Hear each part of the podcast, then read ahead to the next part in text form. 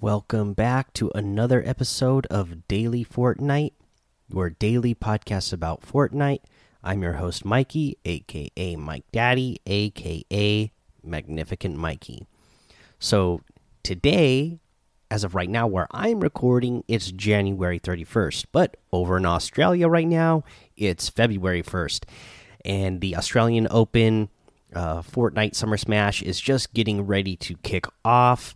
Uh, so, obviously, I haven't watched it yet because uh, it hasn't quite started yet. Uh, by the time you know it gets started, and by the time you're able to play those, uh, or me, anyways, obviously, you guys over in Australia, because I do have quite a bit of Australian listeners. You guys will be playing it during the day. But if uh, us NA East, NA West players want to play during this tournament, you're going to have to be up in the middle of the night and then play on uh, Oceania servers if you want to uh, get those free items. You know, and something tells me though this isn't going to be the only time that they do something like this. Obviously, if they're doing it now, there's going to be other tournaments in the future where they have exclusive items. Uh, you know, probably geared towards certain server regions. So we'll just have to see. I don't know if it's going to be the same ones. So if you really, really want to get the items, especially that outfit that you can get for playing in this uh, little uh, tournament that they have, then you're gonna want to, I guess, have to be up in the middle of the night uh, playing it. And again, we we went over that uh, the other day, uh, how you're able to uh, play in that. So go back and listen to that episode if you if you're not sure how.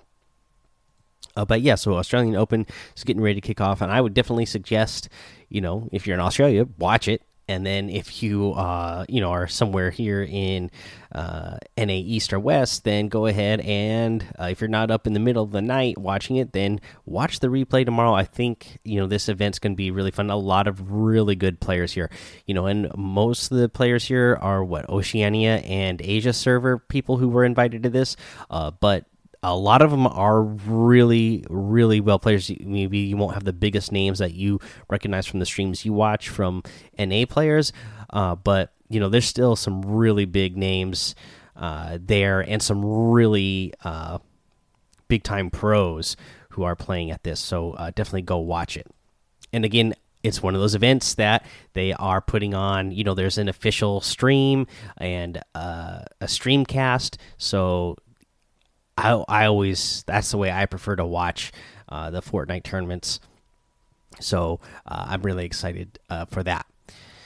Uh, let's see here, guys. Let's go ahead and talk about a challenge tip because uh, that's all the news I got for you. Uh, this one, uh, let's go ahead and cover where to catch a fish at Lake Canoe, Lazy Lake, and Flopper Pond if you don't know where those locations are. And bonus, uh, I happen to have uh, some free time this morning, so I went ahead and recorded a video of where all these three locations are. All three locations in one single video and showing, you know, where it is on the grid map, me landing there and catching a fish all three locations, and it's only about two minutes long, um, because I you know cut a bunch of stuff out just so you could see where the location is and uh, where the uh, you know if, where you can get the fishing poles right away from those locations to catch a fish. Uh, but here we are. Here's the location. So you're gonna go to um well, let's start out at Lazy Lake because that's easy. That's the lake that is just west of Lazy Lake there in uh, F6. And then I think the. I don't remember which one is which. The Lake Canoe is the one that is in C4, C5. That lake right there. That's just northeast of Holly Hedges and then there's uh, the big pond west of Dirty Docks. I think that's Flopper Pond. Actually, it would make sense if Flopper Pond, I guess, is the one that's over by Holly Hedges, and the Lake Canoe, uh, because it's actually a bigger lake, is the one over here in uh, G5. Either way, whatever the names are of each of those locations, that's where they are. G5, uh, F6, and uh, on the border of C four and five. Those three locations, and that's where you are going to uh, catch. Just go there, uh, grab a fishing pole and or a harpoon if you happen to get one and catch fish out of those locations. And it is a fish. Uh, we talked about the other one uh, yesterday where you just need to catch an item at the no fishing signs, and it could be any item, the ones that are at Slurpy Swamp. But for this one, you specifically have to catch a fish at those locations. Let's go ahead, uh, take our break now. We'll come back. We'll go over the item shop and uh, tip of the day. All right, let's go ahead and take a look at today's item shop. Once again, we have all the NFL themed items in here, all the same ones as yesterday. So I'm not going to go through every single one because it ends up being a lot uh, if we went through them all. But just know that they are there. So in the normal featured section, we have a new outfit. Uh, this is the caution outfit. Stay alert. Danger is all around. Part of the beacons set. Uh, and this has two selectable styles. You have the default and the no mask. So in the default, uh, you know you know your guys in uh, snow gear. It's yellow a yellow snow jacket and hoodie with a uh, he's got on red uh, goggles and a face mask, like a almost gas mask type of thing. Uh, let's see here, black pants. He's got his climbing gear and uh, the no mask. He's still actually wearing a mask. They should have said no hood because it actually you're still wearing the face mask and the goggles, but they take off the the hoodie of the jacket. So really, it's no hoodie. So it's the same exact guy except for the he's got the hoodie down, uh, so you can see his uh, slicked back hair. Uh, but this is actually a really cool outfit uh, with two selectable styles, and it is only 800 V bucks. So uh, another one of those, especially when you uh, do the no mask style, like one of these really clean, sleek uh, 800 V buck style uh, outfits that I really like a lot. we have the Deadeye outfit back in the item shop today with the second sight back bling for 2000 V bucks in total. Again, this is another one. You have the default style and the no hat style uh, for this guy. We have the uh, spectral scythe harvesting tool for 800 and the dead wave wrap for 500. You have the Stingray outfit still here that comes with the Manta back bling for 1200 and the Sea Scorpion harvesting tool for 500.